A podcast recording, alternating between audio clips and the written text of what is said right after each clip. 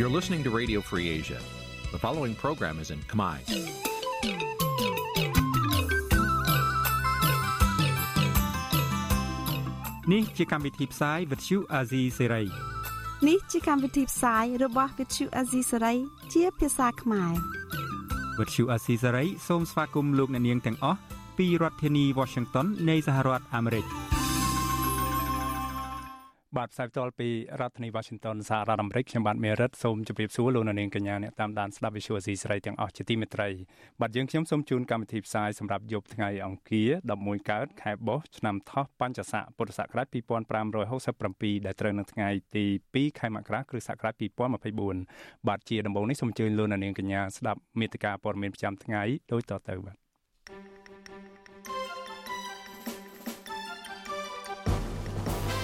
អ្នកខ្លមើលថាសាលាធរយឺតយ៉ាវបើកសវនាការសំណុំរឿងលោកកឹមសុខាប៉ះពាល់ដល់សិទ្ធិមេបពប្រឆាំងរូបនេះសមាគមអាត់ហុករកឃើញថាចៅក្រមនិងព្រាញ្ញាប្រើសិទ្ធិហួសផ្លូវច្បាប់អំឡុងពេលសវនាការ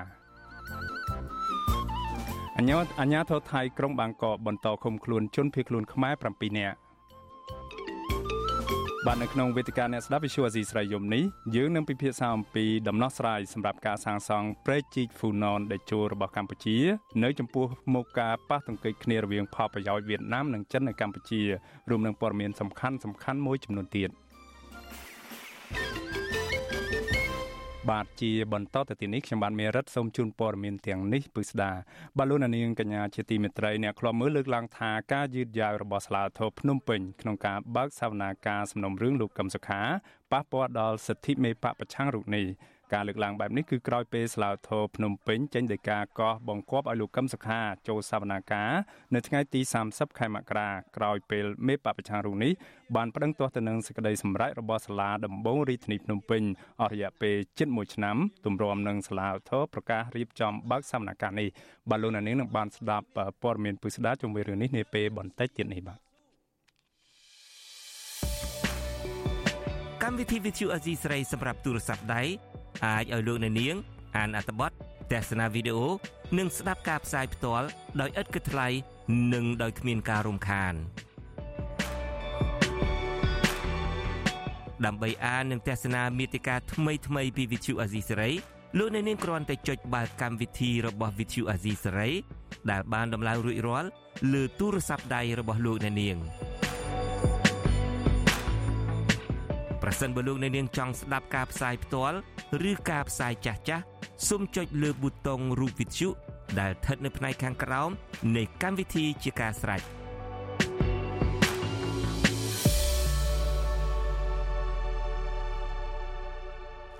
បាទលោកនាងជាទីមេត្រីយើងបន្តតាមដានសំណុំរឿងដែលអាជ្ញាធរថៃបានឃុំខ្លួន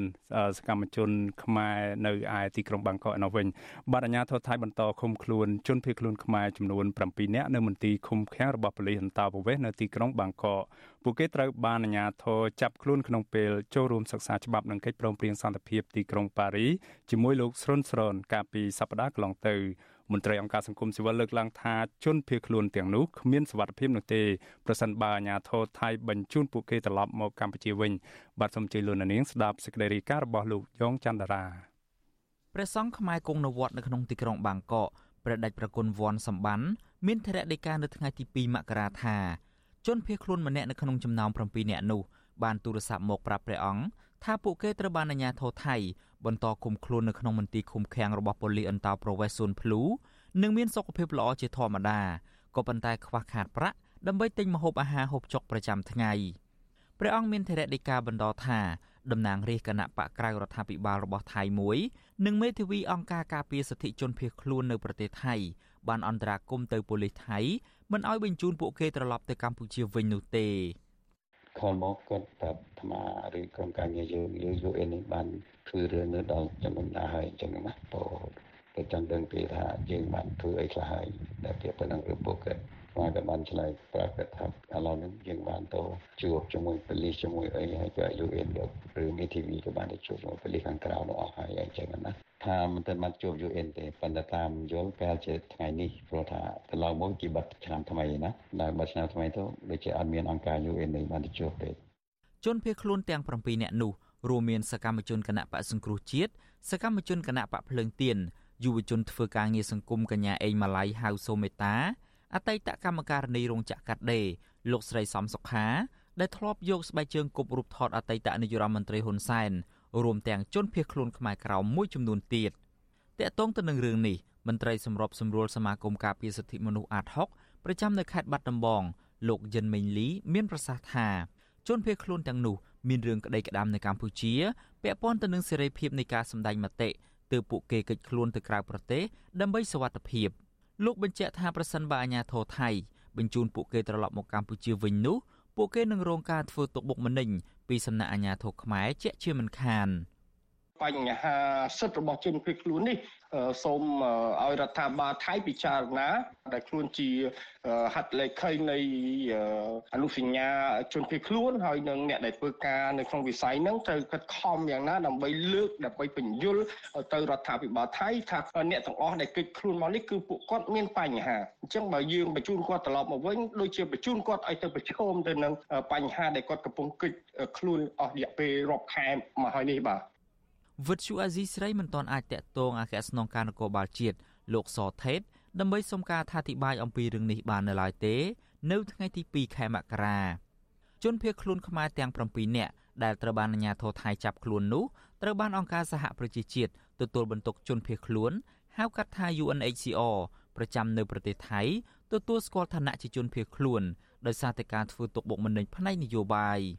កាលពីថ្ងៃទី29ធ្នូ ពួកគេត្រូវបានអាជ្ញាធរថៃចាប់ខ្លួននៅក្នុងពេលចូលរួមសិក្សាច្បាប់និងកិច្ចព្រមព្រៀងសន្តិភាពទីក្រុងប៉ារីសជាមួយនឹងសកម្មជនផ្សព្វផ្សាយកិច្ចព្រមព្រៀងសន្តិភាពទីក្រុងប៉ារីសលោកស្រុនស្រននិងសហការីនៅទីក្រុងបាងកករហូតមកដល់ពេលនេះអាជ្ញាធរថៃបានឃុំខ្លួនពួកគេអស់រយៈពេល5ថ្ងៃមកហើយដោយឡែកលោកស្រុនស្រនវិញលោកត្រូវបានជន់មិនស្គាល់មុខព្រួតគ្នាវាយបណ្ដាលឲ្យបែកក្បាលផ្នែកខាងក្រោយនៅក្នុងពេលដែលលោកបង្រៀនកិច្ចព្រមព្រៀងសន្តិភាពទីក្រុងប៉ារីស និងច្បាប់នានាដល់ពលករខ្មែរនៅក្នុងខេត្តសមុទ្រប្រាកានជាប់ទីក្រុងបាងកកកាលពីថ្ងៃទី31ខែធ្នូលោកស្រុនស្រននិងសហការី បានវិលត្រឡប់ទៅកម្ពុជាវិញហើយនៅរសៀលថ្ងៃទី2ខែធ្នូក្រោយពីបញ្ចប់បេសកកម្មបង្រៀនច្បាប់ទៅដល់ជនភៀសខ្លួននិងពលករខ្មែរអស់រយៈពេលជិត1សប្តាហ៍កន្លងទៅនេះខ្ញុំយ៉ងច័ន្ទដារាវិទ្យុអាស៊ីសេរី Washington បាទលោកនាងកញ្ញាជាទីមេត្រី បាទគម្រោងផ្លូវនាវាចរនឹងប្រព័ន្ធភស្តុភារកម្មទន្លេបាសាក់ឬដែលគេដាក់ឈ្មោះថាព្រែកជីកហ្វូណនដែលចូលប្រវែង180គីឡូម៉ែត្រឆ្លងកាត់ខេត្តចំនួន4នោះគឺជាគម្រោងសាងសង់ហេដ្ឋារចនាសម្ព័ន្ធផ្លូវទឹកខ្នាតយក្សមិនធ្លាប់មានពីមុនមក នៅក្នុងប្រវត្តិសាស្ត្រកម្ពុជាតាំងពីសម័យក្រោយអង្គរបាត់គម្រោងដែលគ្រោងចំណាយទឹកប្រាក់ប្រមាណ1700លានដុល្លារអាមេរិកនេះនឹងធ្វើឲ្យកម្ពុជាឈប់ពឹងផ្អែកលើការដឹកជញ្ជូនទំនិញតាមផ្លូវទឹកឆ្លងកាត់តាមប្រទេសវៀតណាមតទៅទៀត។ បាទទោះជាយ៉ាងណាគម្រោងដែលអាចប្រើពេល4ឆ្នាំដើម្បីសាងសង់នេះកំពុងបង្កឲ្យមានការប៉ះទង្គិចគ្នា រវាងដែនអំណាចនៃអធិបតេយ្យរបស់ចិននិងវៀតណាមនៅកម្ពុជា កម្ពុជាបានអនុញ្ញាតឲ្យក្រុមហ៊ុនចិនសិក្សាពីគម្រោងសាងសង់នេះខណៈវៀតណាមឯណោះវិញលើកឡើងពីកង្វល់របស់ខ្លួនបាទតើអ្វីទៅជាដំណោះស្រាយល្អសម្រាប់ការសាងសង់ព្រែកជីកហ្វូណនដេជូនេះនៅចំពោះមុខការប៉ះទង្គិចផលប្រយោជន៍រវាងចិននិងវៀតណាមនៅកម្ពុជានេះបាទនេះគឺជាប្រធានបទដែលយើងនឹងលើកយកមកពិភាក្សានៅក្នុងនេតិវេទិកាអ្នកស្ដាប់វិទ្យុស៊ីស្រីយប់នេះហើយប៉ះសិនបើលោកអ្នកនាងចាប់អារម្មណ៍ចង់ចូលរួមបញ្ចេញមតិឬដាក់សំណួរទៅកាន់វាគ្មិននៅក្នុងវេទិកាអ្នកស្ដាប់វិទ្យុស៊ីស្រីយើងសូមអញ្ជើញលោកអ្នកនាងដាក់លេខទូរស័ព្ទនៅក្នុងប្រអប់ខ្ទង់ comment នៃការផ្សាយផ្ទាល់តាមបណ្ដាញសង្គម Facebook YouTube និង Telegram ក្រុមការងាររបស់យើងនឹងតាក់ទងទៅលោកអ្នកនាងដើម្បីអញ្ជើញចូលរួមដាក់ជាសំណួរឬក៏អត្ថាធិប្បាយលើបញ្ហានេះបាទសូមអរគុណ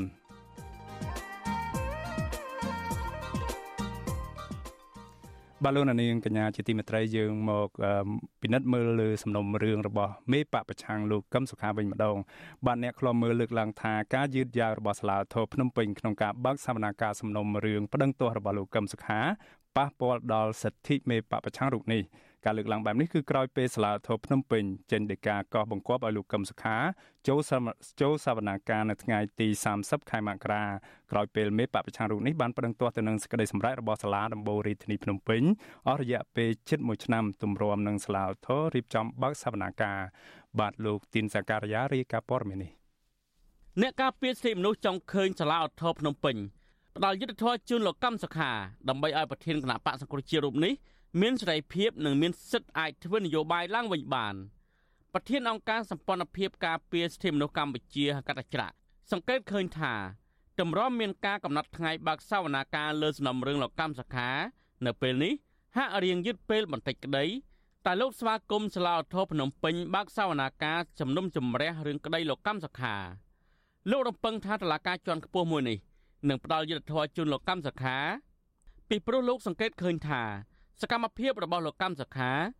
មិនបានប្រព្រឹត្តបទល្មើសដោយសាលាដំបងរាជធានីភ្នំពេញចោទប្រកាន់នោះឡើយយើងដឹងហើយថាគាត់ជាអ្នកយោបាយហើយគាត់ធ្វើអ្វីអ្វីក្នុងគោលបំណងអ្វីក្នុងគេថាក្របខ័ណ្ឌនៃយោបាយតែសេរីភូមិបាទដូច្នេះទេខ្ញុំថាសាលាការនឹងផ្ដល់យុត្តិធម៌ឲ្យគាត់សាលាធរភ្នំពេញបង្គាប់ឲ្យលោកកម្មសខាចូលបំភ្លឺនៅសវនាការនៅថ្ងៃទី30ខែមករាខាងមុខដើម្បីជំនុំជម្រះលើបណ្ដឹងអធរក្នុងសំណុំរឿងសន្តិភាព ជាមួយរដ្ឋបរទេសឬសំណុំរឿងក្បត់ជាតិដោយការចោះកាលពីថ្ងៃទី22ខែធ្នូក៏មានស្នាមមេដាយលោកកម្មសខាលើដោយការនោះដែរក្រុមរក្សាជំនុំជម្រះដឹកនាំដោយប្រធានក្រុមរក្សាលោកអឹមវណ្ណៈចំណែកចៅក្រុមប្រឹក្សា គឺលោកខុនសូណា និងលោកលីសុកលេងតំណាងមហាអัยការគឺអគ្គព្រះអាជ្ញារង លោកមាសសុភក្តី និងលោកអ៊ំសុផាន និងមានកលាបញ្ជី3រូបទៀតជាអ្នកកត់ត្រា អតីតមេធាវីរបស់លោកកម្មសខាម្នាក់គឺអ្នកស្រីមេងសុភារីប្រាប់វិទ្យុអាស៊ីសេរីថាអ្នកស្រីមិនអាចអត្ថាធិប្បាយលើសំណុំរឿងរបស់លោកកម្មសខានៅពេលនេះបានទេពីព្រោះអ្នកស្រីមិនមែនជាមេធាវីការពារក្តីឲ្យលោកកម្មសខាទៀតឡើយចំណែកឯមេធាវីលោកកម្មសខាម្នាក់ទៀតគឺលោកផែងហេងលើកឡើងថាការកំណត់ពេលបើកសវនាការនៅពេលនេះគឺជានីតិវិធីរបស់តុលាការនាយកទទួលបន្ទុកកិច្ចការទូតនៃអង្គការលីកាដូលោកអំសំអាត មានប្រសាសន៍ថា លោកកម្មសុខាជាមេដឹកនាំគណៈបកនយោបាយដូច្នេះលោកត្រូវការសេរីភាពក្នុងការធ្វើនយោបាយឡើងវិញប៉ុន្តែនៅពេលតឡាការជាន់ខ្ពស់តែងតែអូសបន្លាយលើសំណុំរឿងនេះគឺកាន់តែធ្វើឲ្យលោកកម្មសុខាបាត់បង់សិទ្ធិសេរីភាពនិងសិទ្ធិធ្វើនយោបាយរបស់លោក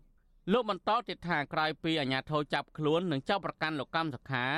សហគមន៍ជាតិអន្តរជាតិរិះគន់ជាបន្តបន្ទាប់ដូច្នេះលោកចង់ឃើញមានការបន្ធូរបន្ថយឬដោះលែងលោកកម្មសខា ក៏ដូចជាអ្នកទោសមនសិការផ្សេងទៀតឲ្យមានសេរីភាពឡើងវិញគាត់ត្រូវការសេរីភាពនៅក្នុងការនយោបាយបន្តទៅទៀតណាហើយបើសិនជារឿងនឹងអូសបន្លាយកាន់តែយូរប៉ះពាល់ដល់សេរីភាពរបស់គាត់នៅក្នុងរឿងទាំងពីការដើរហើរនិងសេរីភាពផ្សេងផ្សេងទៀតព្រោះទោះបីជាឃុំខ្លួននៅនឹងផ្ទះក៏មិនមានសេរីភាពពេញលេញដូចជាប្រវត្តិដទៃដែរបាទវិទ្យុអសិរ័យមិនអាចតកតងប្រធានសាលាធរភ្នំពេញលោកសេងស៊ីវត្ថា ដើម្បីសំសួរអំពីបញ្ហានេះបានទេនៅថ្ងៃទី2មករាទោះជាណាអ្នកនាំពាក្យសាលាធរលោកខុនលៀងម៉េង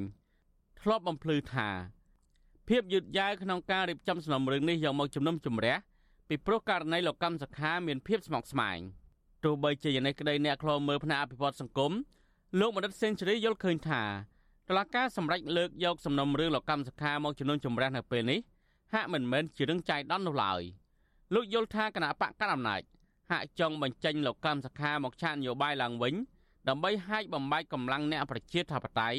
ជាពិសេសគឺកម្លាំងមូលដ្ឋានគណៈឯគណៈបកភ្លើងទៀននិងគណៈបកកម្លាំងជាតិកំពុងតែដណ្ដើមអង្គបោះឆ្នោតសម្រាប់ការបោះឆ្នោតប្រសិទ្ធភាពនិងអ្នកគ្រប់គ្រងនៅមូលដ្ឋានលោកកឹមសុខាគឺជាតួអង្គមួយសំខាន់ដែរនៅក្នុងការបំបែកកម្លាំងនៅមូលដ្ឋានព្រោះមានការគ្រប់គ្រង លោកកឹមសុខាមានការគ្រប់គ្រងនៅមូលដ្ឋានមួយចំនួនអញ្ចឹងហើយការហែកកម្លាំងទាំងមូលដ្ឋានទាំងថ្នាក់ដឹកនាំរបស់ពួកសមរង្ស៊ីនិយមនេះគឺរឿងសំខាន់ដើម្បីវាទីធ្វើម៉េចឲ្យលោកហ៊ុនម៉ាណែតនឹងមានពេលវេលាកាន់តែច្រើនឲ្យពួកអ្នកប្រឆាំងកាន់តែមានការចុះខ្សោយហើយលោកហ៊ុនម៉ាណែតនឹងកាន់តែមានពេលវេលានៅក្នុងការរៀនសូត្រនៅក្នុងការដឹកនាំរដ្ឋាភិបាលនោះបាទលោកកឹមសុខាត្រូវបានតុលាការកំណត់ឲ្យបាត់បង់សិទ្ធិសេរីភាពនិងសិទ្ធិធ្វើនយោបាយ ហើយកាត់ផ្តាច់ទំនាក់ទំនងជាមួយបុគ្គលទាំងឡាយលើកលែងតែសាច់ញាតិកាលពីថ្ងៃទី3ខែមីនាឆ្នាំ2023កន្លងទៅក្រោយពីសាលាដំបងរាជធានីភ្នំពេញបានកាត់ទោសឲ្យលោកជាប់ឃុំក្នុងផ្ទះរយៈពេល27ឆ្នាំពីបទក្បត់ជាតិទោះជាយ៉ាងណាលោកកម្មសខាមិនទទួលយកសេចក្តីសម្រេចរបស់តុលាការដំបងនេះឡើយដោយលោកបានប្តឹងទាស់សារក្រមរបស់សាលាដំបងរាជធានីភ្នំពេញទៅសាលាឧទ្ធរចំណែកឯអង្គទូតប្រទេសប្រជាធិបតេយ្យនិងសហគមន៍អន្តរជាតិផងនោះ បានរិះគន់ថា ចំណាត់ការរបស់តុលាការដាក់ទោសលោកកម្មសខានេះ គឺជាការខុសឆ្គងនៃប្រព័ន្ធយុតិធធម៌នៅកម្ពុជាខ្ញុំបាទធីនសាការីយ៉ាអស៊ីសេរី ប្រធានីវ៉ាស៊ីនតោន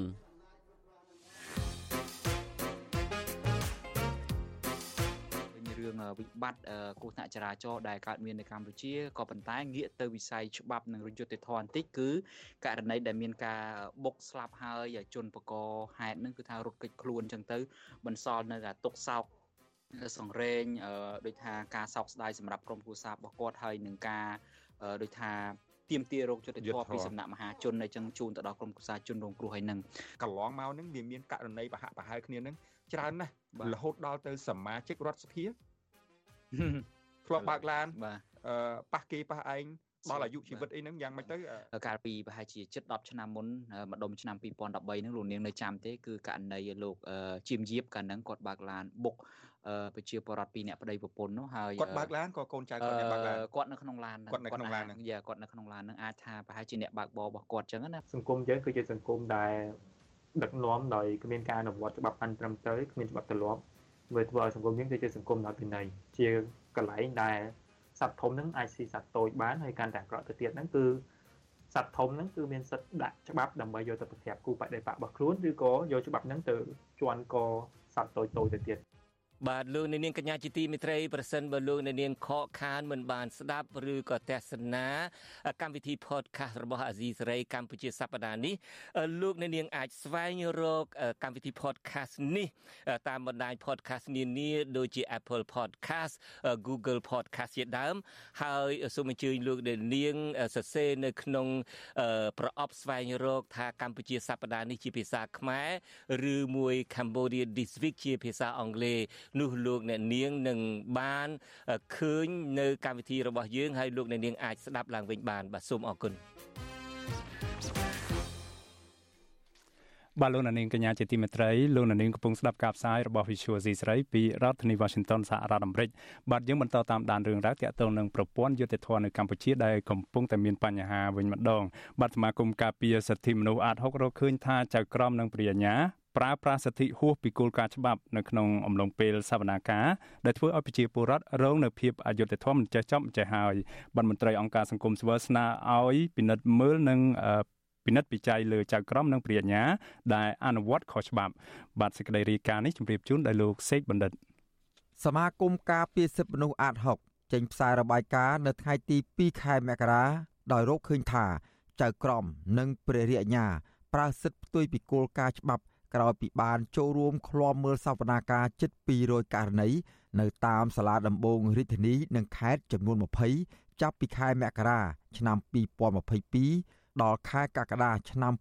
2023របាយការណ៍រកឃើញថាតុលាការបានរារាំងមិនអោយសាធារណជនចូលឬបណ្តេញចេញពីបន្ទប់សវនាការមានជាង80%រារាំងមិនអោយអ្នកសារព័ត៌មានចូលឬបណ្តេញចេញពីបន្ទប់សវនាការ ជិត70%និងតុលាការលើកពេលប្រកាសសាលក្រមចំនួន97%របាយការណ៍បញ្ជាក់ថាចៅក្រមជំនុំជម្រះបានប្រាប់ឲ្យជនជាប់ចោតសុំទោសមានជិត50%ព្រះរាជអាជ្ញាស្រែកសម្លុតនៅពេលជនជាប់ចោតមិនឆ្លើយមានចំនួន4%និងចៅក្រមឬតំណាងអាយកាសម្ដែងអកប្បកិរិយាសម្លុត គម្រាមជនជាប់ចោតចំនួន10%របាយការណ៍ដដាលឲ្យដឹងទៀតថាតុលាការបានបន្ថែមបទល្មើសថ្មី នៅពេលប្រកាសសាលក្រមមានចំនួនជិត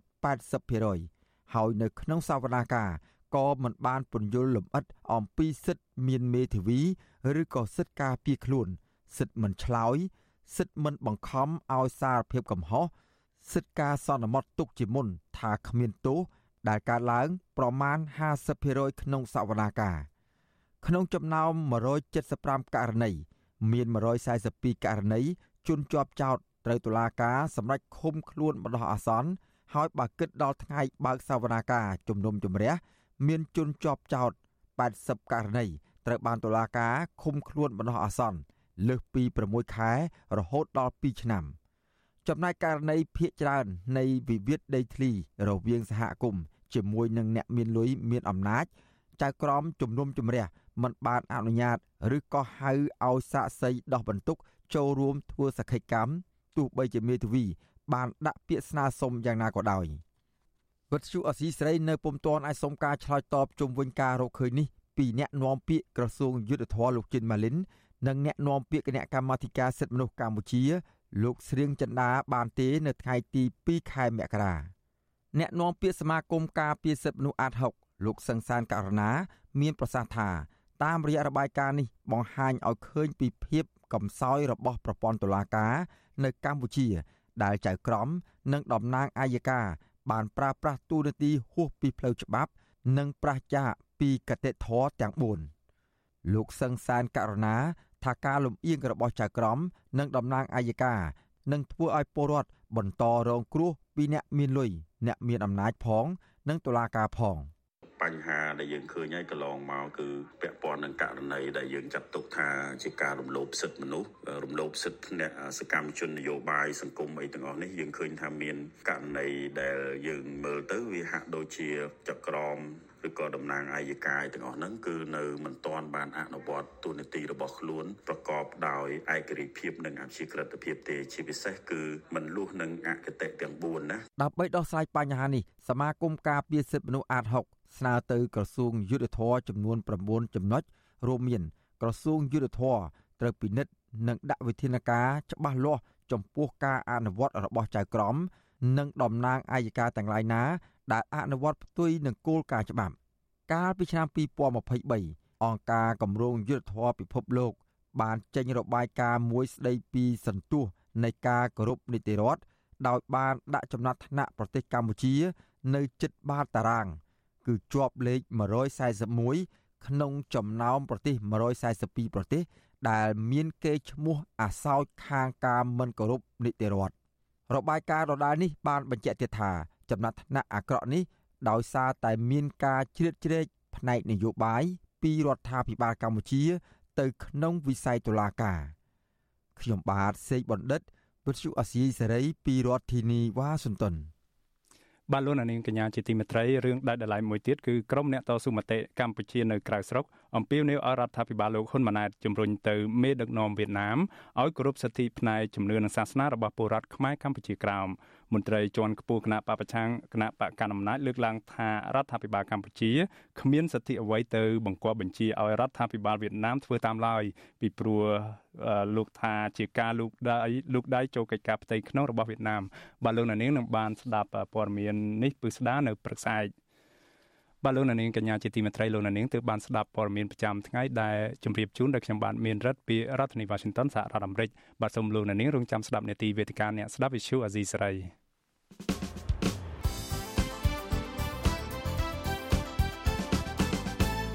បាទនេះគឺជានេតិវេទិកាអ្នកស្ដាប់វិទ្យុអាស៊ីសេរី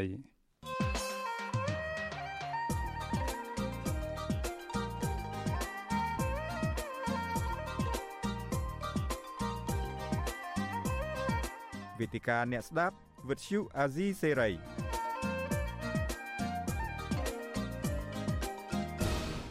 បាទជាថ្មីម្ដងទៀតខ្ញុំបាទមេរិតសូមជម្រាបសួរលោកនាងកញ្ញាប្រិមត្តអ្នកស្ដាប់វិទ្យុអាស៊ីសេរីទាំងអស់ជាទីមេត្រីបាទនៅក្នុងនេតិវេទិកាអ្នកស្ដាប់វិទ្យុអាស៊ីសេរីលើកដំបូងប្រចាំឆ្នាំ2024នេះខ្ញុំបាទមានសេចក្តីរីករាយណាស់ហើយយើងមានវាគ្មិនពីររូបចូលរួមនៅក្នុងកិច្ចពិភាក្សាយប់នេះគឺយើងមានអ្នកអត្ថាធិប្បាយនយោបាយលោកកឹមសុខ និងអ្នកជំនាញខាងវិជាសាស្ត្រនយោបាយលោកអែមសវណ្ណារាលោកអែមសវណ្ណារាចូលរួមតាមប្រព័ន្ធ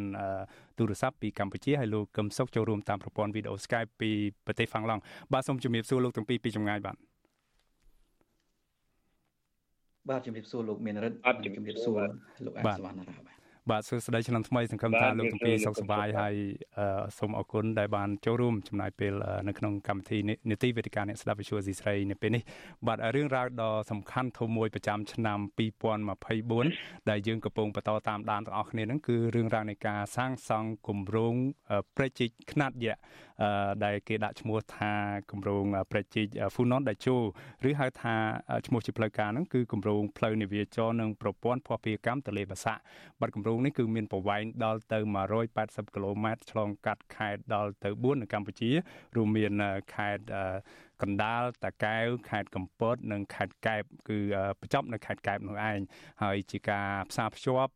ផ្លូវទឹកផ្លូវដឹកជញ្ជូនផ្លូវទឹកហ្នឹងពីទន្លេមេគង្គនិយាយជារួមទៅគឺរហូតដល់ច្រកសមុទ្រកម្ពុជានៅខេត្តកែបបាត់គម្រោងនេះមិនធ្លាប់មានទេក្នុងរយៈពេល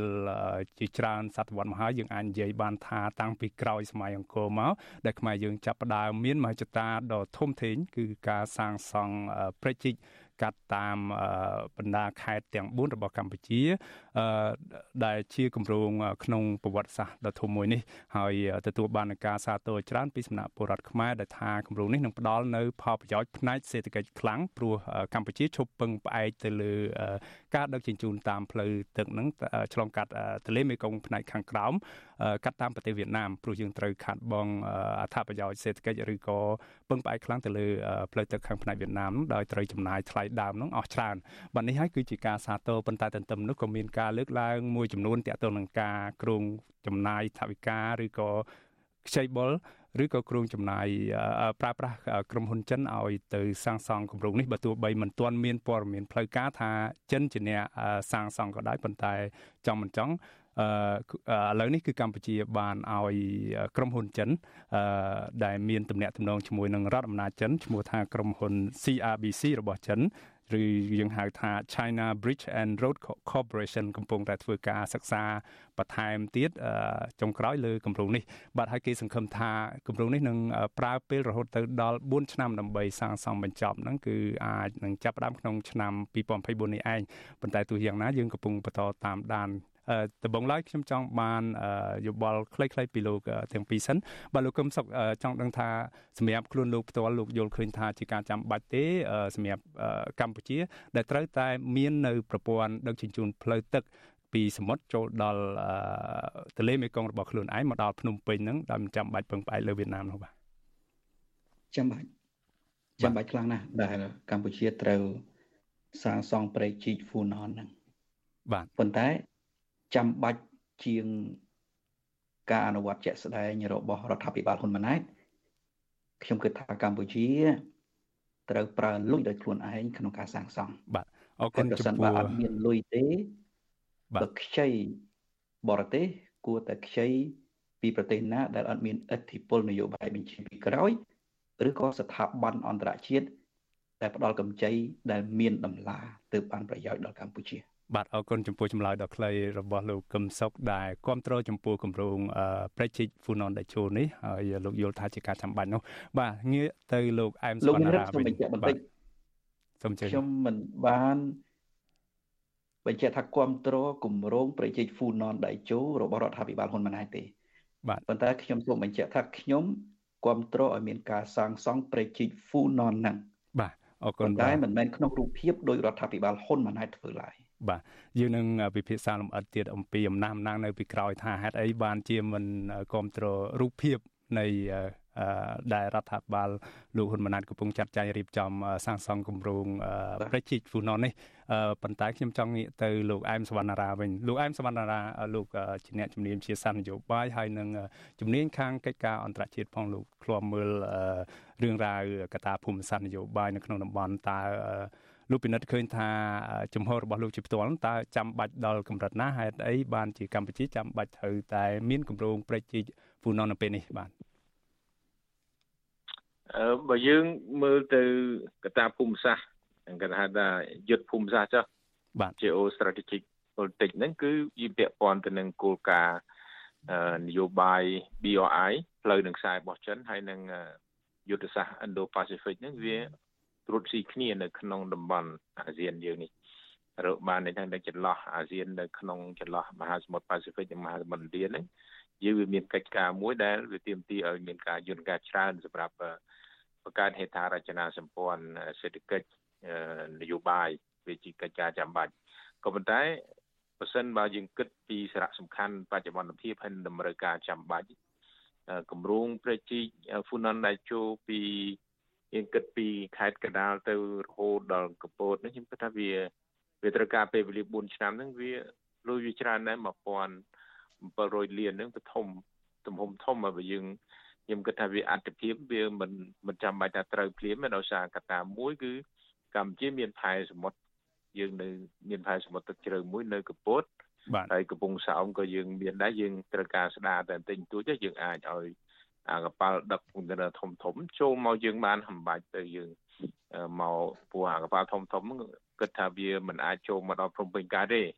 ទោះយ៉ាងណាវាត្រូវការយកកប៉ាល់តូចមួយដើម្បីផ្ទេរដែរដូចគេតារ៉ាល់អញ្ចឹងទស្សនៈខ្ញុំផ្ទាល់អឺត្រូវការត្រូវការមិនទាន់ចាំបាច់ថាត្រូវការទេព្រោះយើងមានផែទឹកជ្រៅរបស់យើងយើងត្រូវការរក្សាតែច្រកនាំចេញច្រកអន្តរជាតិសមុទ្រអន្តរជាតិព្រោះកម្ពុជាមានមានដែនសមុទ្រខុសពីឡាវដែល ជាដីបិទចិត្តណាបាទបាទតែតែសំកាត់សាលោកអែមសវណ្ណារាបតិចត្រង់កន្លែងនេះតើលោកមិនគិតថារាល់ថ្ងៃហ្នឹងត្រូវការដឹកទំនិញពីកំពង់សោមកំពង់ផែកំពង់សោមមកភ្នំពេញត្រូវការប្រើតាមដឹកជញ្ជូនតាមផ្លូវគោកប៉ុន្តែយើងមួយផ្នែកទៀតហ្នឹងក៏យើងក៏ប្រើតាមចរាចរណ៍តាមផ្លូវទឹកដោយឆ្លងកាត់តាមសមុទ្រមកកាត់ ទន្លេមេគង្គខាងក្រោមដែលគ្រប់គ្រងដោយប្រទេសវៀតណាមមុនចូលដល់ទន្លេមេគង្គឬក៏មកដល់កំពង់ផែនៅភ្នំពេញនោះឯងបាទតើលោកមិនគិតថានេះនឹងជួយសម្រួលដល់ការកាត់បន្ថយថ្លៃចំណាយថ្លៃដើមនៃការដឹកជញ្ជូនច្រើនទេតាមផ្លូវទឹកមកកម្ពុជាព្រោះរដ្ឋាភិបាលកម្ពុជានឹងអះអាងថាយ៉ាងហោចណាស់គឺអាចចំណេញដល់មួយកុងតឺន័រនឹងអាចចំណេញដល់ទៅ ពី170ដុល្លាររហូតដល់223ដុល្លារនោះពេលដែលប្រេជីកនឹងធ្វើហើយណាហើយមួយទៀតបើគិតជាថ្លៃដើមជារួមនោះគឺកម្ពុជាអាចចំណេញលុយនឹងរហូតដល់ទៅ16%មានន័យថាអាចកាត់បន្ថយថ្លៃចំណាយថ្លៃដើមដល់ទៅ16%លើអ្វីដែលកម្ពុជាចំណាយបច្ចុប្បន្នលោកមិនគិតថានេះជាផលចំណេញមួយទេបាទបាទខ្ញុំទូស្គាល់ថានឹងជាផលចំណេញប៉ុន្តែយើងច្រកចូលតាមច្រកអឺ វៀតណាមប្រទេសវៀតណាមកាលណាបើសិនឧទាហរណ៍ឧបសគ្គទៅថ្ងៃខាងមុខអនាគតកាលណាមានរឿងអីកើតឡើងហ្នឹងជាប្រការទុករដ្ឋាភិបាលប្រការទុកជាកិច្ចការត្រឹមត្រូវក៏ប៉ុន្តែវាមិនចាំបាច់រហូតដល់ថាយើងត្រូវការចំណាយធំខ្ញុំគិតថាខ្ទង់លុយ1700លាននេះបើសិនបើយើងជួសជុលផ្លូវដែកយើងឲ្យធ្វើតាមគេហៅស្តង់ដារផ្លូវដែកក្នុងតំបន់ចាស់មិនបាច់ទៅលោកខាងលិចអឺរ៉ុបឬក៏អាមេរិកអីទេអានឹងខ្ញុំគិតថាប្រហែលជាយើងអាចប្រើប្រាស់បានហើយចំណាយលុយក៏មិន ថ្លៃដូចបច្ចុប្បន្នទេទី1ទី2 4ឆ្នាំហ្នឹងខ្ញុំគិតថាអឺចាំយើងត្រូវការចាំបាច់ជាងនេះចាំយើងត្រូវការផ្លូវដែកយើងអត់ទាន់ដំណើរការបានល្អទេនិយាយអស់ស្មោះត្រង់និយាយចុះហើយការជីកផ្លូវផ្លូវផ្លូវទឹកនេះយើងដឹកអឺយើងត្រូវការកាលណាយើងបង្កើតគេហៅថាព្រីជីកមិនមែនធម្មជាតិហ្នឹង វាត្រូវការគិតគូរត្រូវការពិចារណាឬក៏បិទបើកទឹកនឹងវាត្រូវការពេលវេលាវាមិនស្មូតដូចយើងមើលឃើញទេវាមិនរលូនទេណា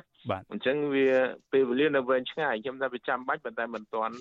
បច្ចុប្បន្នភាពទេខ្ញុំថាបច្ចុប្បន្នសម្រាប់រយៈពេលយូរអង្វែងគឺតែភ្លើងជើងបាទបាទមានន័យថាសម្រាប់ចំហលោកអែមសវណ្ណារាហ្នឹងគឺសម្រាប់រយៈពេលយូរអង្វែងកម្ពុជានៅតែត្រូវមានត្រូវតែមានការប្រព័ន្ធដឹកជញ្ជូនតាមផ្លូវទឹកហ្នឹងដោយខ្លួនឯងមានប្រជាខ្លួនឯង បាទប៉ុន្តែសម្រាប់រយៈពេលខ្លីនេះគឺយើងមានបាទអញ្ចឹងបាទបើយើងមានផ្លូវទឹកច្រើនវាជាការប្រសើរព្រោះការចំណាយតាមផ្លូវទឹកវាទាបជាងគេនៅក្នុងចំណោមនៃការដឹកជញ្ជូនណាក៏ប៉ុន្តែខ្ញុំខ្ញុំគិតថាការវិនិយោគទៅលើផ្លូវដែកកម្ពុជានេះបើសិនយើងធ្វើឲ្យគ្រប់ទិសព្រោះឥឡូវបច្ចុប្បន្នយើងមានតែទៅខាងប្រទេសវិជ័យបាត់ដំបងអីចឹងហើយយើងនៅខ្វះទិសច្រើនណាបើសិនយើងវិនិយោគអានឹងឲ្យវាប្រសិទ្ធភាពល្អ លឿនយើងមិនបាច់គិតថាឲ្យបានទៅដោយប្រទេសជឿនលឿនពី300គីឡូម៉ែត្រក្នុង1ម៉ោងឲ្យបានតែ100 150គីឡូម៉ែត្រក្នុង1ម៉ោងហ្នឹងគឺយើងល្អមែនទែនបាទអរគុណលោកអែមសវណ្ណារាបាទលោកនាងកញ្ញាជាទីមេត្រីនៅពេលនេះយើងកំពុងតែពិភាក្សាលើប្រធានបទសំខាន់មួយនោះគឺការគម្រោងនៃការសាងសង់ព្រែកជីក Funon Dacho ឆ្លងកាត់ខេត្តចំនួន4នៅកម្ពុជាដើម្បីតភ្ជាប់ពីសមុទ្រមកទន្លេមេគង្គ ហើយគម្រោងនេះចំណាយទឹកប្រាក់ដល់ទៅ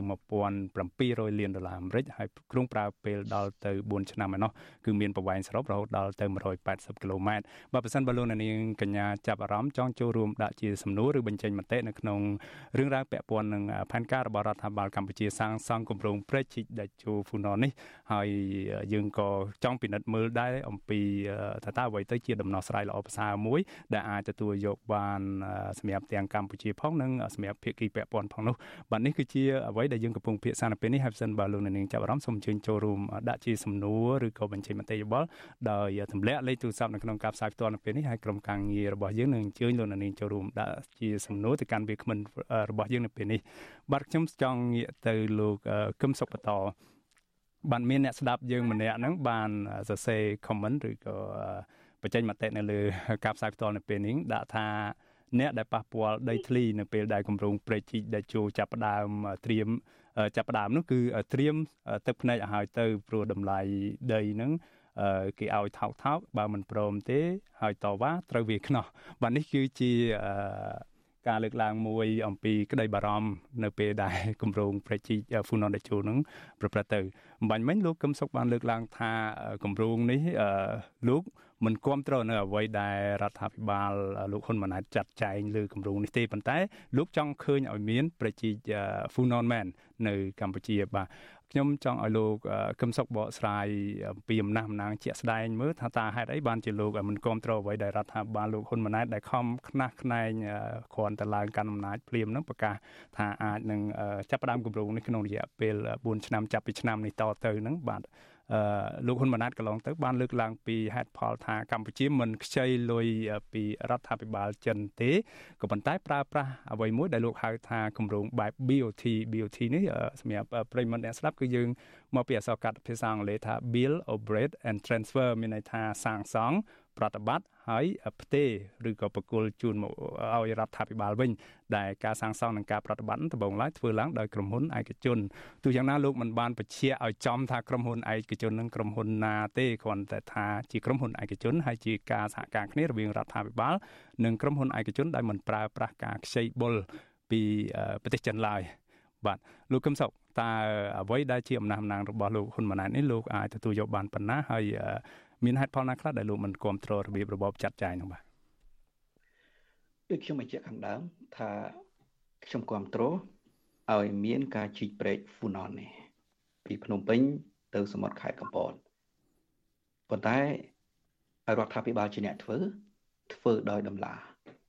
ហើយបើអត់មានលុយខ្ចីលុយពីស្ថាប័នអន្តរជាតិឬក៏ប្រទេសណាមួយ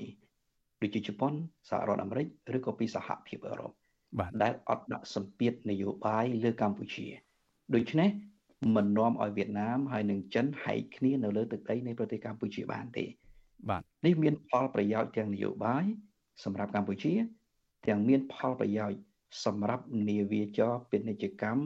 របស់កម្ពុជាខ្ញុំគ្រប់គ្រងឲ្យមានការជីកព្រែកជីកដោយដំឡាក្នុងនាមពលរដ្ឋខ្មែររបស់ពលរដ្ឋខ្មែរប៉ុន្តែមិនខ្ចីលុយពីចិន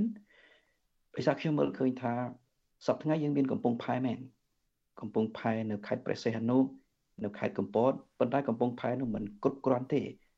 សម្រាប់ការផ្ទុកទំនិញដែលកំពុងតែកើនឡើងកៅចរន្តសេដ្ឋកិច្ចកំពុងកើនប្រហែលយើងគួរណាស់តែមានកំពង់ផែមួយទៀតអានឹងគឺជាការពង្រីកវិសាលភាពនៃការផ្ទុកទំនិញនិងការដឹកជញ្ជូនតាមផ្លូវសមុទ្របាទពិតមែនហើយយើងគួរតែស្ថាបនាផ្លូវដែក ពីភ្នំពេញទៅខេត្តព្រះសីហនុពីភ្នំពេញទៅប៉ោយប៉ែតអីជាដើមអានឹងជាការត្រូវការចាំបាច់មួយប៉ុន្តែបើកាលណាយើងសង់កំពង់ផែមួយទៀតដើម្បី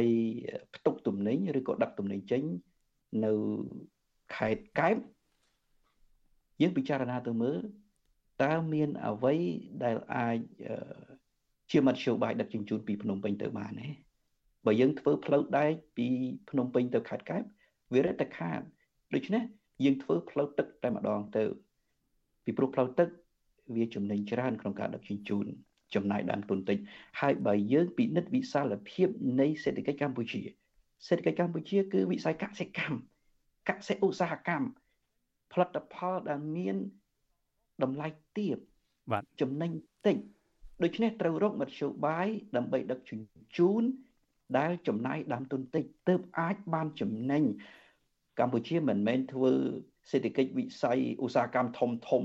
ដូចជាម៉ូតូដូចជាឡានទំនើបទំនើបឯណាដែលយើងអាចដឹកតាមផ្លូវរថភ្លើងដឹកតាមផ្លូវគោកអីចំណេញច្រើនពីព្រោះឡានរថភ្លើងអីសំទុះឡានម៉ូតូអីបាទអរគុណលោកកឹមសុខហាក់បីដូចជាអ៊ីនធឺណិតខាងលោកនឹងអឺដាច់ទៅហើយយើងមិនលឺពីលោកបន្តទៅទៀតទេបាទប៉ុន្តែអ្វីដែលលោកកឹមសុខចង់បញ្ជាក់ហ្នឹងថាលោកគ្រប់គ្រងប្រសិនបើគម្រោងនេះធ្វើឡើងដោយតម្លាភាពហើយមិនយកលុយ ខ្ចីខ្ចីឬក៏មិនប្រើប្រាស់ថវិកាដោយផ្នែកណាមួយនឹងដែលប្រើក្រុមហ៊ុនឯកជនរបស់ចិនបាទទោះយ៉ាងណាខ្ញុំចង់ជំរាបសួរទៅលោកកឹមសុខថាលោកបានចោទសួរលើកឡើងពីដំណោះស្រាយមួយថាបើកម្ពុជានឹងទទួល កម្ចីពីភាគីជប៉ុនឬក៏ភាគីសហរដ្ឋអាមេរិកឬក៏សហភាពអឺរ៉ុបអីជាដើមហ្នឹងគឺអាចជាដំណោះស្រាយមួយតែតើទៅរួចទេដែរឬទេដែលប្រទេសដទៃជាពិសេសហ្នឹងឧទាហរណ៍ថាប្រទេសជប៉ុនដែលមតិភិច្រើនហ្នឹងហាក់មានគំនិតវិជ្ជមានឬក៏ចង់ឃើញជប៉ុនមកពាក់ព័ន្ធនៅក្នុងរឿងនេះតើជប៉ុនអាចអឺព្រមឲ្យកម្ពុជាជួយផ្ដល់ជួយផ្ដល់លុយឲ្យកម្ពុជាសម្រាប់សាងសង់គម្រោងនេះទេតើអាចទៅរួចទេដែលប្រទេសដទៃក្រៅពីចិនឬក៏ ប្រទេសវៀតណាមនោះបាទលោកកឹមសុខបាទបាទលោកកឹមសុខបាទសូមជឿបាទ ខ្ញុំស្ដាប់បានមកកណាត់ចុងក្រោយឬសូជប៉ុនប៉ុន្តែមិនដឹងថាសំណួររបស់លោកបាញ់មិញលោកលោកបានផ្ដល់ជាដំណោះស្រាយមួយថាបើសិនបើការផ្ដល់លុយឲ្យធ្វើគម្រោងនេះធ្វើឡើងដោយដំណាភាពហើយជាពិសេសមានការពាក់ព័ន្ធរបស់ប្រទេសជប៉ុនឬសហភាពអឺរ៉ុបឬប្រទេសលោកខាងលិចដទៃមកពាក់ព័ន្ធនៅក្នុងគម្រោងនេះគឺវាវាប្រសើរជាង តែខ្ញុំសួរថាតើទៅរួចទេដែលក្នុងកលៈទេសៈបច្ចុប្បន្ននេះអឺក្រៅពីប្រទេសចិនប្រទេសដទៃដូចជាចិនអដូចជាជប៉ុនឬក៏សហភាពអឺរ៉ុបមកព្រមជួយឲ្យអភិវឌ្ឍគម្រោង នេះបាទត្រង់នឹងលោកហ៊ុនម៉ាណែតគូបញ្យលប្រជាពលរដ្ឋឲ្យច្បាស់ថាអ្វីទៅជាអធិបតេយ្យនិងឯករាជ្យកម្ពុជាក្រោមការដឹកនាំរបស់គាត់ប្រសិនបើកម្ពុជាមានអធិបតេយ្យនិងឯករាជ្យក្រោមការដឹកនាំរបស់គាត់មែនហេតុអីមិនអាចខ្ចីលុយជប៉ុនបាទលោកកឹមសុខយើងនៅតែដាច់ឬក៏មានការរអាក់រអួលពីប្រព័ន្ធអ៊ីនធឺណិតពីខាងលោកតាមរយៈវីដេអូ Skype បាទយើងនឹងព្យាយាមតាក់ទងទៅលោកកឹមសុខបន្តទៀតហើយយើងសង្ឃឹមថាបាទសូមអញ្ជើញលោកបន្តបើសិនជាអ៊ីនធឺណិតលោកដាហើយបាទខ្ញុំសូមអធិស្ឋានដែលអ៊ីនធឺណិតរបស់ខ្ញុំរអាក់រអួលដូចខ្ញុំបញ្ជាក់ខាងដើមថាហ៊ុនម៉ាណែតគូបញ្យលប្រជាពលរដ្ឋខ្មែរច្បាស់ថាអ្វីទៅជាអធិបតេយ្យនិងឯករាជ្យជាតិកម្ពុជាក្រោមការដឹកនាំរបស់គាត់បាទបើគាត់ហើយនឹងឪពុករបស់គាត់និយាយថាឯករាជ្យអធិបតេយ្យមូលហេតុអីมันអាចខ្ចីលុយពីប្រទេសមួយចំនួនដែលមានដំណាបាន ហើយប្រសិនបើខ្ចីពីអាមេរិកពីជប៉ុនពីអឺរ៉ុបអីមិនបាន គួរណាស់តែសិក្សាខ្ចីពី World Bank ADB IMF ដែលអត់មានពាក់ព័ន្ធទៅនឹងសម្ពាធនយោបាយទេហើយដំឡាទៅទៀតដូច្នេះយើងបានប្រេជីកនឹងមកដោយខ្មែរជាអ្នកគ្រប់គ្រងដោយផ្ទាល់ ខ្មែរយកពុនដោយផ្ទាល់លោកហ៊ុនម៉ាណែតលោកកាត់ភាសាលោកកឹមសុខលោកហ៊ុនម៉ាណែតបានបញ្យល់ច្បាស់ហើយថាកម្ពុជាអត់ខ្ចីទេអត់ខ្ចីចិនទេហើយក្រសួងសេដ្ឋកិច្ចនិងហិរញ្ញវត្ថុហ្នឹងក៏បានបញ្យល់ដែរក្រោយពីមានការលើកឡើងតាមប្រព័ន្ធសារព័ត៌មានមួយចំនួននោះតើការបញ្យល់នេះមិនគ្រប់គ្រាន់ទេឬក៏យ៉ាងម៉េចឬក៏តាមលោកកិនថាលោកហ៊ុនម៉ាណែតបានអះអាងថាគម្រោងនេះគឺធ្វើឡើងដោយកិច្ចសហប្រតិបត្តិការរវាងរដ្ឋនិងឯកជនគឺលោកមិនខ្វល់ថាក្រុមហ៊ុនឯកជនទៅ ខ្ចីបុលលុយនឹងបានមកពីណាទេសំខាន់ឲ្យតែចេញរួចណាហើយរដ្ឋក៏មិនទៅខ្ចីលុយដោយផ្ទាល់ពីរដ្ឋាភិបាលចិនដែរចង់ឬមិនចង់រដ្ឋាភិបាលកម្ពុជាបានឲ្យក្រុមហ៊ុនចិនកំពុងសិក្សាឲ្យទៅថ្ងៃអនាគតអាចនឹងចេញជាលទ្ធផលមកគឺក្រុមហ៊ុនចិននឹងឯងជាអ្នកសាងសង់នឹង តើអាចមានសេណារីយ៉ូដែលក្រុមហ៊ុនចិនហ្នឹងរដ្ឋាភិបាលកម្ពុជាបជាកុំឲ្យមានការរិះគន់ហើយប្រើប្រាស់ក្រុមហ៊ុនចិនហ្នឹងជាឈ្នន់សិនទៅឲ្យទៅខ្ចីហើយមានការត្រូវរើណាមួយរវាងរដ្ឋាភិបាលកម្ពុជានិងចិនទេបាទរដ្ឋមិនខ្ចីមែនតែឯកជនជាអ្នកខ្ចីបាទឯកជនណាឯកជនក្រុមហ៊ុនចិនហើយមានឯកជនមួយចំនួនទៀតដែលរកស៊ីខុបខិតគ្នានៅជុំវិញគ្រួសារហ៊ុននឹងអាចដាក់ទុនដែរបើឯកជនក្រុមហ៊ុនចិនខ្ចីលុយពីណា ខ្ចីលុយចិនឧទាហរណ៍ថាខ្ចីលុយពីធនាគារចិនណាមួយមិនមែនជាធនាគារ China Bank របស់ចិនទេប៉ុន្តែធនាគារពាណិជ្ជរបស់ចិនផ្សេងផ្សេងសុទ្ធតែស្ថិតនៅក្រោមការគ្រប់គ្រងរបស់រដ្ឋាភិបាលចិនទាំងអស់នោះបាទដូច្នេះទោះបីជាឯកជនខ្ចីក៏នៅតែខ្ចីពីចិនក្រោមអធិបុលរដ្ឋាភិបាលចិនដដែលនេះទី1អញ្ចឹងគ្រាន់តែខុសខុសគ្នារូបភាពទេតាមការពិតទៅគឺរដ្ឋាភិបាលខ្ចីលុយដដែលខុសគ្នាតែរូបភាពឯង គ្រាន់តែថាឲ្យឯកជនជាអ្នកចេញមុខខ្ចីហើយមែនតើបើទោះបីជាឯកជនចេញចេញមុខខ្ចីក៏វាមានន័យស្មើនឹងប្រទេសកម្ពុជាជាអ្នកជំពាក់ដដែលមូលហេតុអីពីព្រោះពេលឯកជនចេញមុខខ្ចីគឺឯកជនជាអ្នកគ្រប់គ្រងយកប្រយោជន៍ពីប្រជិកនឹងមិនមែនរដ្ឋាភិបាលយកប្រយោជន៍ពីប្រជិកនឹងមិនមែនប្រជាពលរដ្ឋខ្មែរបានប្រយោជន៍ពីប្រជិកនឹងទេ មានន័យថាត្រូវសងឯកជននឹងសងទៅចិនវិញតាមរយៈឯកជននឹងដដែល ហើយអាហ្នឹងមែនតើវាជារូបភាពអាក្រក់ជាងរដ្ឋាភិបាលខ្ចីទៅទៀតមូលហេតុអីពីព្រោះកាលណាឲ្យឯកជនខ្ចីឯកជនស៊ីមួយជាន់ហើយមកដល់រដ្ឋាភិបាលជាអ្នកត្រួតពីលើរដ្ឋាភិបាលស៊ីមួយជាន់ទៀតដូច្នេះយ៉ាងតិច C2 ជាន់នេះខ្ញុំមិនទាន់និយាយអំពីពួកអ្នកវិនិយោគនៅក្រមនៅជុំវិញក្រមគ្រួសារអ្នកដឹកនាំនឹងស៊ីមួយជាន់ទៀតផងបាទម្ល៉េះហើយ វាកាន់តែ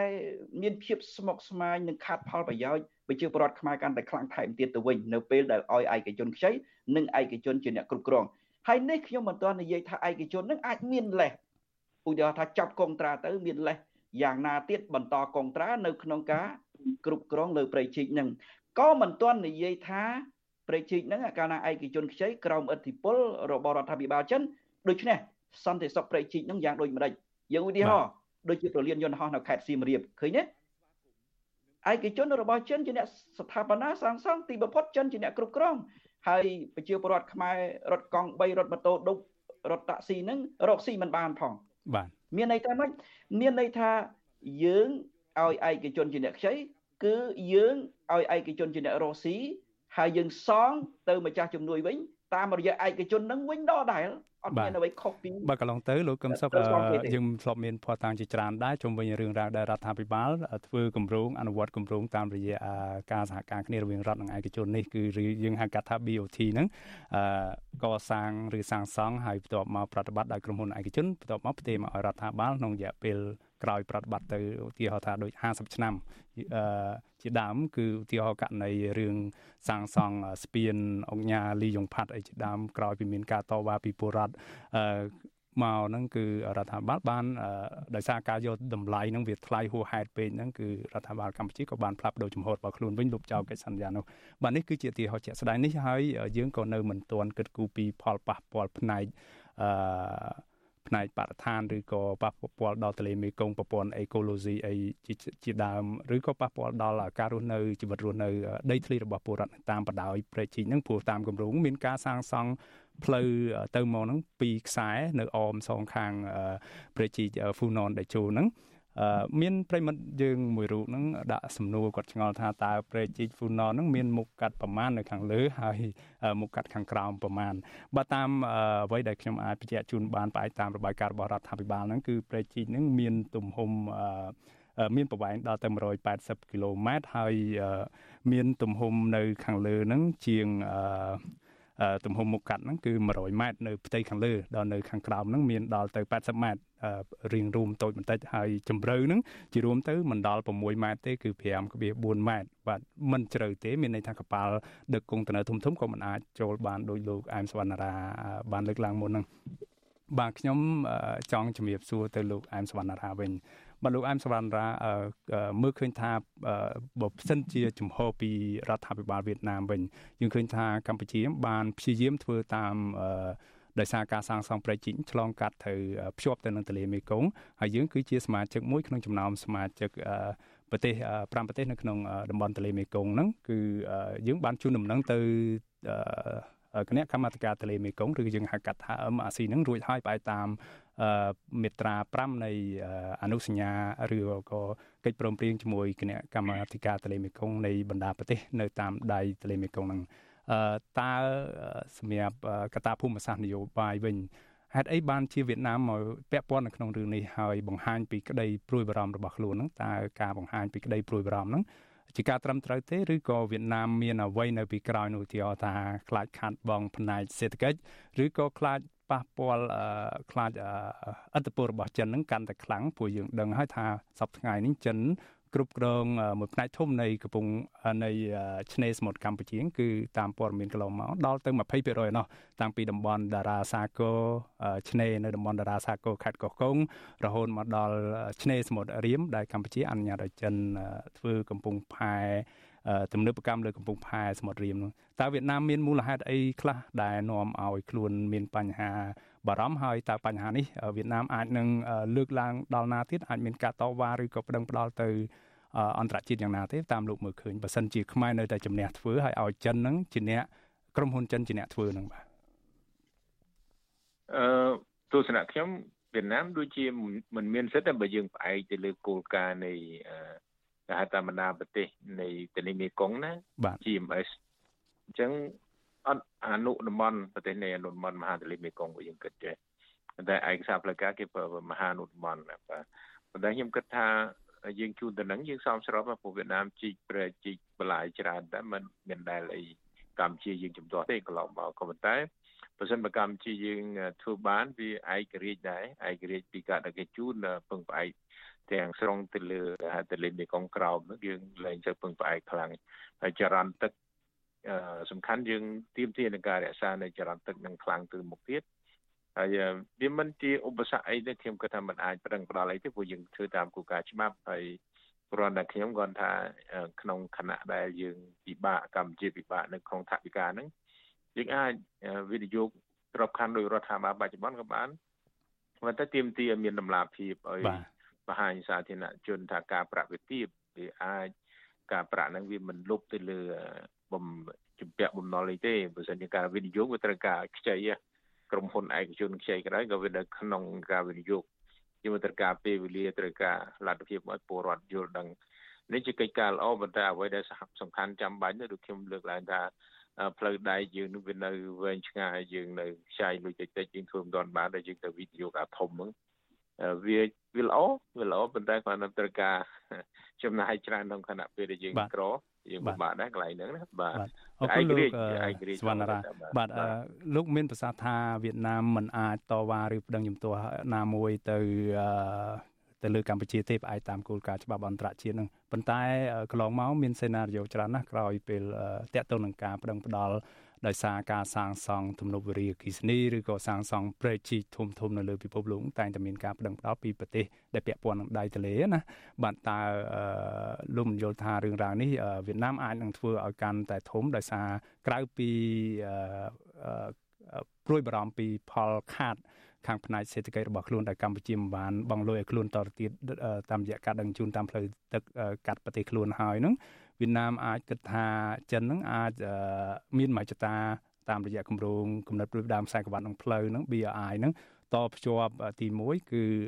តំបន់តារាសាគរបន្ទាប់មកតំបន់សមុទ្ររៀមហ្នឹងឥឡូវហ្នឹងយើងឃើញកាលពីចុងឆ្នាំកន្លងទៅហ្នឹងឃើញមានកប៉ាល់ចម្បាំងចិន2គ្រឿងបានចូលចតនៅកំពង់ផែរៀមហើយតើនេះមិនគៀកផ្ទះរបស់វៀតណាមទេឬយ៉ាងម៉េចលោកអែមសវណ្ណរាតើវៀតណាមអាចបរិយរឿងហ្នឹងឲ្យកាន់តែធំទេមើលទៅ ខ្ញុំគិតថាកម្ពុជា ជាប្រទេសតូចហើយបើធៀបនឹងប្រទេសជិតខាងកម្ពុជាមួយវៀតណាមឬកម្ពុជាជាមួយថៃម្យ៉ាងទៀតកម្ពុជាក៏ជាសមាជិកហត្ថលេខីនៃកិច្ចព្រមព្រៀងទីក្រុងប៉ារីសដែរហើយនៅក្នុងនោះវៀតណាមថៃក៏ជាសមាជិកអញ្ចឹងបើសិនបើមានការរំលោភនៅវត្តមានយោធាបរទេសយើងមិនបាច់ថាតែចិត្តមួយទេ នឹងនិយាយថាប្រទេសផ្សេងក៏ដោយគឺមានការអន្តរាគមឬក៏ការអាចធ្វើអន្តរាគមរកក្របខ័ណ្ឌណាមួយបាននៅក្នុងប្រទេសហត្ថលេខីពីព្រោះសមាជិកហត្ថលេខីដទៃទៀតមិនគោរពឲ្យធ្វើឲ្យបារម្ភឬក៏ប៉ះពាល់ទៅដល់គេហៅថាដែនអធិបតេយ្យភាពបូរណភាពរបស់ប្រទេសជិតខាងពួកកម្ពុជាជារដ្ឋហត្ថលេខីមួយបាទខ្ញុំគិតថាកម្ពុជាប្រហែលមិនមិនជ្រើសជំរើសនឹងទេបាទរមធ្យោបាយ កម្ពុជាអាចរមមធ្យោបាយមួយដើម្បីឲ្យមានឯករាជ្យភាពច្រើនជាងបាទច្រើនជាងនេះសម្រាប់ចិត្តឲ្យមានជំហរល្អជាងនេះពីព្រោះពីព្រោះកាលណាយើងពឹងទៅលើតែក្រោមសម្ពាធអន្តរជាតិពេកកម្ពុជាក៏ពិបាកធ្វើកិច្ចការដែរបាទបាទបាទអរគុណលោកអែមសវណ្ណរាខ្ញុំចង់ងាកទៅលោកកឹមសុខវិញលោកកឹមសុខមើលឃើញថាការដែលកម្ពុជាហ្នឹងនរណានរណាក៏ដឹងដែរកន្លងទៅហ្នឹងគឺវៀតណាមគឺជាបងធំទី1ហើយសម្រាប់ខ្លួនដែលវៀតណាមបានលើកបន្ទប់ ឪពុករបស់នាយករដ្ឋមន្ត្រីបច្ចុប្បន្នឲ្យឡើងគ្រងតំណែងជានាយករដ្ឋមន្ត្រីអស់រយៈពេលជិត40ឆ្នាំមកហើយ តើនៅពេលនេះបើសិនបើលោកហ៊ុនម៉ាណែតជ្រើសរើសមិនស្ដាប់តាមអ្វីដែលវៀតណាមលើកឡើងពីកង្វល់របស់ខ្លួនថាវាប៉ះពាល់ដល់ធនធានធម្មជាតិឬក៏ប៉ះពាល់ដល់ប្រព័ន្ធអេកូឡូស៊ីនៃទន្លេមេគង្គទាំងមូលហ្នឹងដែលសប្តាហ៍ថ្ងៃហ្នឹងមានការចាប់អារម្មណ៍ពីភាគីអន្តរជាតិច្រើនណាស់សូម្បីតែអាមេរិកហ្នឹងក៏មានគម្រោងនៅលើទន្លេមេគង្គនេះដែរបើសិនបើលោកហ៊ុនម៉ាណែតនៅតែមិនធ្វើតាមអតីតចវាយនីធំរបស់ខ្លួនហើយស្ដាប់តាមចវាយនីធំបច្ចុប្បន្នគឺប្រទេសចិនតើអាចមានការរង្គោះរង្គើអំណាចដល់លោកហ៊ុនម៉ាណែតដែរទេបាទ ពិតមែនហើយវាជាដំណាក់កាលនៃការសាក់លបងមួយដ៏ធំក៏ប៉ុន្តែខ្ញុំគិតថាគម្រោងប្រេជិកនេះអាចធ្វើបាន ពីព្រោះតែបាទមានចិននៅកាងនៅពីក្រោយទាំងការទូតនយោបាយហិរញ្ញវត្ថុហើយប្រសិនបើក្រមលោកហ៊ុនម៉ាណែតធ្វើមិនបានវិញដោយមានចិននៅកាងពីក្រោយទៅហើយនោះមិនមែនមានន័យថាក្រមហ៊ុនម៉ាណែតនឹងចាញ់អធិបុលវៀតណាមទេ អារឿងចាញ់វាចាញ់ហើយវាទៅជាចិនចាញ់ឥទ្ធិពលវៀតណាមទៅវិញពីព្រោះចិននៅពីក្រោយហើយធ្វើមិនបានអញ្ចឹងហើយបានជាខ្ញុំគិតថាអាចធ្វើបានហើយបើយើងពិនិត្យតាមផ្លូវច្បាប់វិញវៀតណាមទំនងជាគ្មានអីជំទាស់ទេផ្លូវច្បាប់វាមានតែវៀតណាមហ្នឹងព្យាយាម lobby ឬក៏តវ៉ានៅក្នុងគណៈកម្មការទន្លេមេគង្គក៏ប៉ុន្តែខ្ញុំគិតថា ក្នុងក្របខ័ណ្ឌគណៈកម្មការទន្លេមេគង្គទៅមួយទេពីព្រោះចិនក៏មានអធិបុលនៅក្នុងនឹងដែរហើយបើពិនិត្យតាមផ្លូវច្បាប់នៅក្នុងកិច្ចព្រមព្រៀងទន្លេមេគង្គវិញឆ្នាំ1995គឺថាទន្លេមេគង្គនេះគេចែងថាហូរពីចិន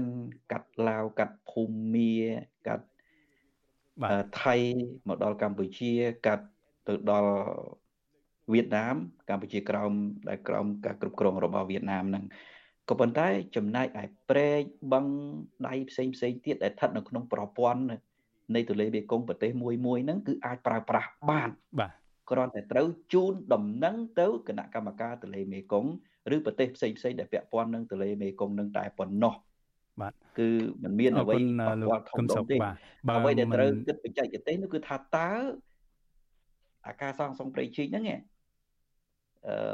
អាច ធានាបានថាធាទឹកទន្លេមេគង្គហ្នឹងប៉ះពាល់កម្រិតណាបើប៉ះពាល់តិចតួចទេវាមិនជាបញ្ហាអីទេដូច្នេះវាស្ថិតនៅលើបច្ចេកទេសនៃការជីកប្រេកហ្នឹងបាទអរគុណលោកកឹមសុខបើយើងពិនិត្យមើលលើផលប្រយោជន៍ជារួមសម្រាប់កម្ពុជានឹងរដ្ឋាភិបាលកម្ពុជាបានលើកឡើងហើយថាផលប្រយោជន៍ផ្នែកសេដ្ឋកិច្ចគឺធំណាស់ហើយមួយវិញទៀតហ្នឹងគឺគម្រោងនេះក៏ជួយគ្រប់គ្រងឲ្យកម្ពុជាមានប្រព័ន្ធបណ្ដាញផ្លូវទឹកឯករាជ្យខ្លួនឯងមាន កាត់បន្ថយការបច្ចេញផ្សែងពុលហ្នឹងដោយប្រើការដឹកជញ្ជូនតាមរថយន្តឬក៏តាមប្រព័ន្ធផ្សេងទៀតហ្នឹងហើយក៏ចូលរួមកាត់បន្ថយពេលវេលាដែរចំណេញពេលក្នុងការដឹកជញ្ជូនហើយបង្កើតឲ្យទៅជាផ្នែកនគររូបនីយកម្មមានការសាងសង់ហេដ្ឋារចនាសម្ព័ន្ធផ្នែកអចលនទ្រព្យអីតាមផ្លូវនៅតាមបណ្ដោយព្រែកហ្នឹងក៏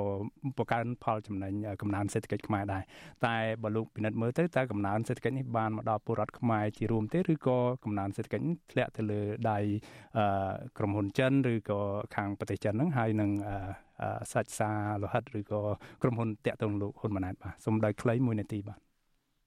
ខ្ញុំបញ្ជាក់ឲ្យថាគម្រោងនឹងមានផលប្រយោជន៍ធំហើយសម្រាប់ប្រជាជាតិខ្មែរប្រសិនបើធ្វើដោយដំឡាហើយគ្រប់គ្រងដោយខ្មែរមិនពាក់ព័ន្ធនឹងវៀតណាមហើយនឹងចិនក៏ប៉ុន្តែពាក់ព័ន្ធនឹងក្រុមហ៊ុនចិនមានន័យថាការប្រមូលពន្ធក្តីការធ្វើចរាចរណ៍សេដ្ឋកិច្ចពាណិជ្ជកម្មទៅលើប្រៃជីកនឹងក្តីគឺក្រុមហ៊ុនចិនជាអ្នកប្រមូលផលទាំងអស់ហើយប្រជាពលរដ្ឋខ្មែរគឺ0ហើយហើយរឿងមួយទៀតគឺសន្តិសុខនៅលើប្រៃជីកនឹងខ្ញុំនៅតែសង្ស័យថារដ្ឋាភិបាលហ៊ុនម៉ាណែតហ្នឹង មិនដឹងថាអាចគ្រប់គ្រងបានឬក៏អត់នោះទេឧទាហរណ៍ថាមានការដឹកជញ្ជូនកិច្ចឆាគ្រឿងញៀនតាមប្រៃជីចូលប្រទេសកម្ពុជានេះអាហ្នឹងវាជារឿងធំរឿងសំខាន់គឺគ្រប់គ្រងបានឬក៏អត់ទេអ្វីដែលខ្ញុំជំទាស់ពីព្រោះបើយើងគិតអំពីផលប្រយោជន៍សេដ្ឋកិច្ចពាណិជ្ជកម្មណាការខ្ចីលុយគេ1700លានដុល្លារទៅសង់ប្រៃជីកមែនប៉ុន្តែមិនមែនទៅសង់ចោលទេបាទ គឺខ្ចីមកធ្វើសេដ្ឋកិច្ចពាណិជ្ជកម្មគឺប្រមូលលុយបានច្រើនណាស់ប្រសិនបើយើងគ្រប់គ្រងដោយដំណើរនឹងធ្វើដោយខ្លួនយើង1700លានដុល្លារនេះតាមអាណត្តិប្រមូលបានមកវិញហើយប៉ុន្តែតើប្រមូលបានសម្រាប់ប្រជាជាតិខ្មែរវិញទេនៅពេលដែលក្រមលោកហ៊ុនម៉ាណែតនេះគ្រប់គ្រងដោយបច្ចុប្បន្នហ្នឹងទី1រដ្ឋាភិបាលហ្នឹងត្រូវការលុយខុបខិតយកលុយផងអាចពង្រីកគម្រោងគម្រោងចំណាយទី2ក្រុមអ្នកដែលស៊ីស៊ូសជាមួយរដ្ឋាភិបាលទី3ក្រុមហ៊ុនចិនហ្នឹងដូច្នេះប្រជាពលរដ្ឋខ្មែរ មិនត្រឹមតែជំពាក់គេថែមទៀតទេថែមទាំងត្រូវគេកេងប្រវ័ញ្ចបាទលោកកឹមសុខចុងក្រោយដោយមួយម៉ាត់ចុងក្រោយតើលោកព្រួយបារម្ភពីផលប៉ះពាល់ដែលចិនអាចនឹងប្រើគម្រោងនេះភ្ជាប់នឹង BRI របស់ខ្លួនហើយបរិយាអធិពលផ្នែកយោធារបស់ខ្លួននៅកម្ពុជាទេបាទអានឹងវាស្ថិតនៅលើកលៈទេសៈដំបូងវាចេញពីការគិតអំពីនិវាចរសេដ្ឋកិច្ចពាណិជ្ជកម្មក៏ប៉ុន្តែកលៈទេសៈមកដល់ឧបិហ ឧទាហរណ៍ថាមានបញ្ហាសន្តិសុខនៅក្នុងតំបន់រឿងហ្នឹងវាបំលែងទៅជាការធ្វើចរាចរណ៍ខាងនាវាចររបស់យោធាតាមដែលអាចធ្វើទៅបានហើយអាហ្នឹងវាស្ថិតនៅលើភាពជាក់ស្ដែងបាទអរគុណលោកកឹមសុខយើងនៅសល់តែប្រហែលតែជា1នាទីទេសូមលោកអែមសវណ្ណរាដោយខ្លីលោកមានដំណោះស្រាយអីបន្ថែមអឺខ្ញុំខ្ញុំគ្រាន់តែថាគួរតែបង្ហាញគម្រោងនេះជាសាធារណៈឲ្យវិជាបរដ្ឋស៊ីជំរឿជាងនេះបន្តិចកុំឲ្យមានការ លើកឡើងយល់ច្រឡំនេះផ្សេងណាប៉ុន្តែទស្សនៈខ្ញុំខ្ញុំនៅឲ្យទៅតម្លៃទៅលើការកសាងហេដ្ឋារចនាសម្ព័ន្ធដែលមានស្រាប់ឧទាហរណ៍ថាផែទឹកជ្រៅនឹងយើងអាចជីកជ្រៅជាងនឹងទៅឲ្យកប៉ាល់ធំធំចូលមកកុំបាច់ទៀមទាមានកប៉ាល់ផ្ទេណា អានឹងវាវាចាំបាច់ជាងយើងកសាងព្រែកជីកទៀតបាទអរគុណខ្ញុំបាទអរគុណបាទអរគុណលោកទាំងពីរដែលបានចូលរួមនៅក្នុងនេតិវេទិកាអ្នកស្ដាប់វិទ្យុអសីសេរីនៅយប់នេះហើយយើងបន្តតាមដានរឿងព្រែកជីកហ្វូណនដាជូនឹងតទៅទៀតនៅក្នុងឆ្នាំនេះបាទសូមជូនពរលោកទាំងពីរសុខភាពល្អហើយសម្រាប់ពេលនេះនេតិវេទិកាអ្នកស្ដាប់វិទ្យុអសីសេរីរបស់យើងក៏ចប់ត្រឹមនេះដែរបាទសូមជម្រាបលាលោកទាំងពីរបាទ